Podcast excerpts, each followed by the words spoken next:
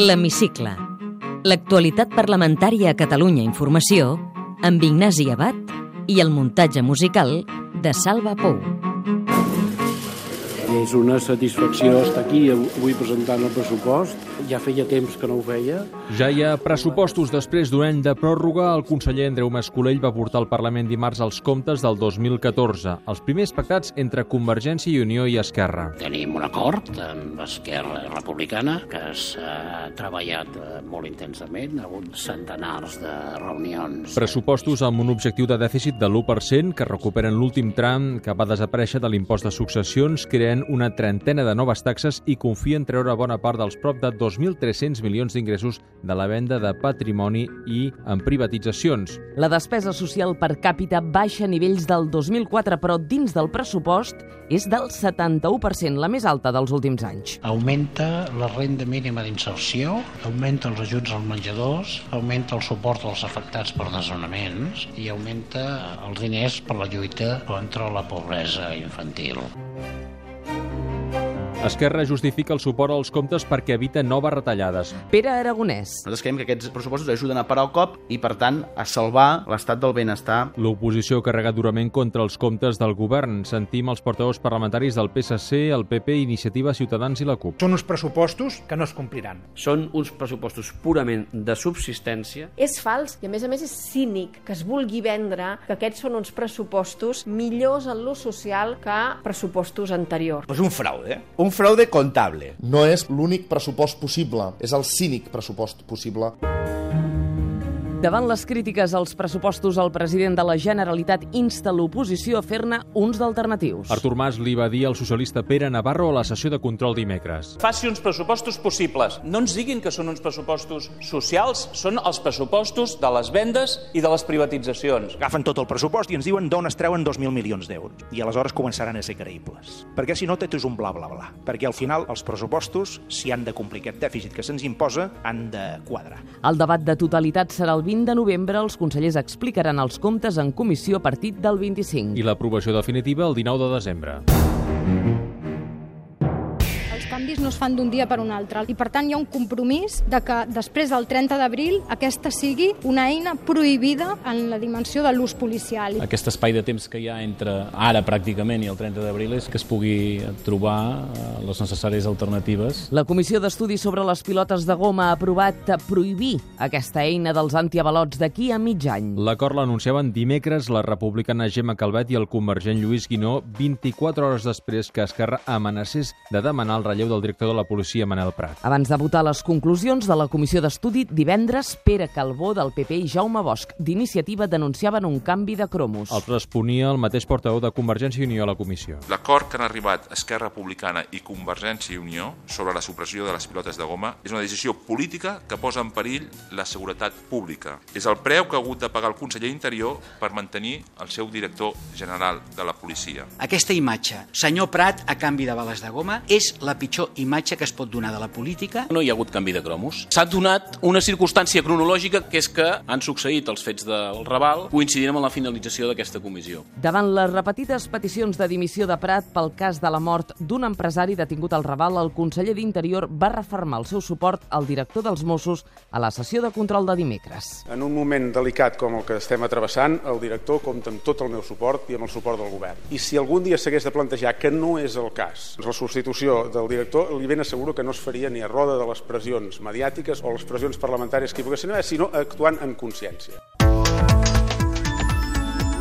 Les esmenes a la totalitat de devolució del projecte de llei han estat rebutjades per 64 vots a favor, 70 en El projecte de llei de governs locals, el cinquè d'aquesta legislatura que va a debat a totalitat, ha superat les esmenes en contra de tota l'oposició excepte d'Esquerra. clarifica competències, blinda els ajuntaments en els efectes de la reforma local espanyola i buida de contingut polític els Consells Comarcals. Joana Ortega, vicepresidenta del govern. Les seves estructures polítiques formades per consellers locals comarcals seran substituïdes per consells d'alcaldes, que seran els màxims òrgans de governança. La consellera de Governació ha estat protagonista aquesta setmana també per haver volgut delimitar el calendari de la consulta, no abans de l'octubre del 2014. Ho explicava dimecres al Polièdric de Catalunya Informació. Fem un anàlisi logístic. En el cas d'un escenari en el que no hi hagués una voluntat col·laboradora, deixem-ho dir així, per part eh, de l'Estat, és lògic doncs, que necessitem de més temps i no preveiem que pogués ser abans. Ràpida resposta dijous al matí de Marta Rovira al plenari. Votarem el 2014 i farem que això sigui possible perquè de motius logístics que placin la data ens sembla que no n'hi hauran. La portaveu republicana ho deia al debat d'una moció de la CUP sobre la consulta en què els socis de Convergència i Unió van votar diferent que el grup del govern. Els primers a favor de fer el referèndum encara que Madrid no l'accepti i els segons en contra.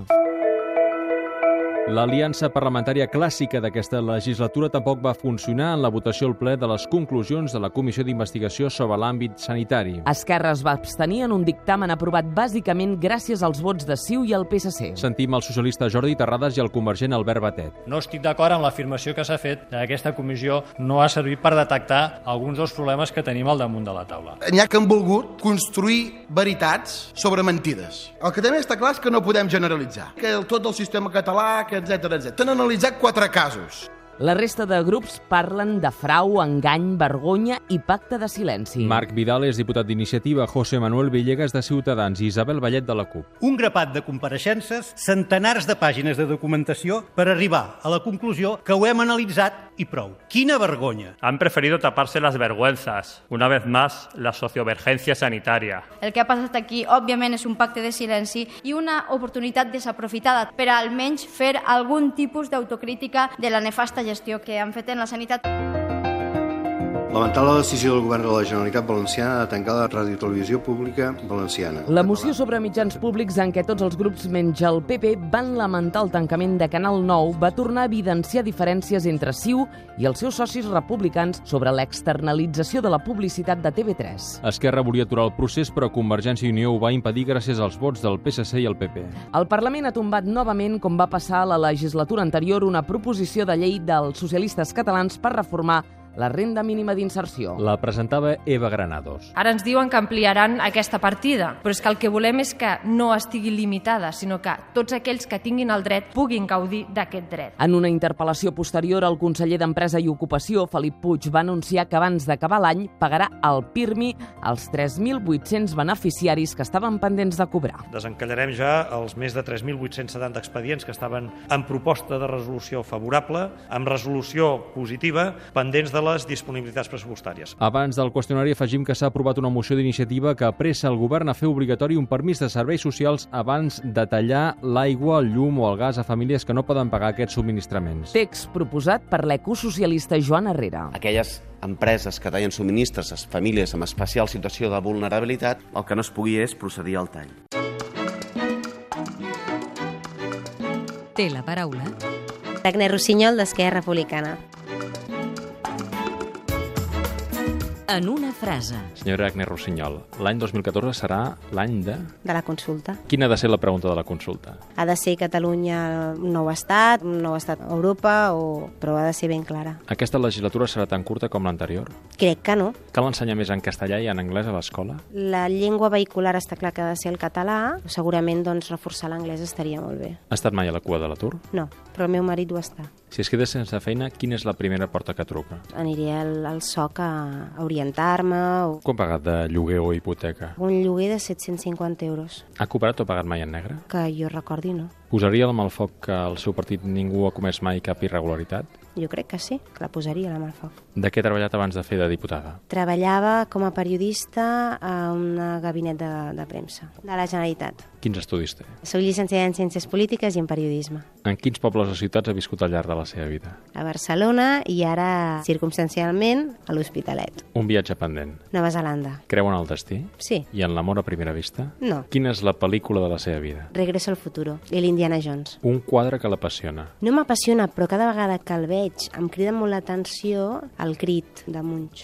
Una obra de teatre d'impacte. L'auca del senyor Esteve al Teatre Nacional. Quina novel·la s'ha llegit aquest estiu? Cap, perquè els meus fills no em deixen temps per llegir. Una cançó que no es treu del cap. cançons infantils. La lluna a la pruna, la masovera, el cargol treu banya, el noi de la mare... Els esports els practica o els mira? Ara ni una cosa ni l'altra. No he practicat mai esport, sóc de veure partits del Barça. D'aquests una mica més transcendentals, ara tampoc ho puc fer. Quin plat cuina més bé? Segurament no gaires, però ahir vaig fer unes llenties estofades que em van quedar bastant bé. Quants diners porta a la cartera habitualment? Entre 5 i com a molt 20 euros. Quan acaba un ple del Parlament, com desconnecta quan torna cap a casa? És fàcil perquè jo quan arribo a casa no puc fer res més que no sigui estar amb els meus fills. Són molt petits, tenen 18 mesos i, i a més són dos. Arribo a casa, acabo de donar els, el sopar als meus fills, ens n'anem a dormir els tres i així el seu pare descansa, que també s'ho mereix. Expliquem un conte, després cauen les cançons de torn i fins que s'adormen. Senyora Agnès Rossinyol, moltes gràcies. Molt bé, gràcies a tu.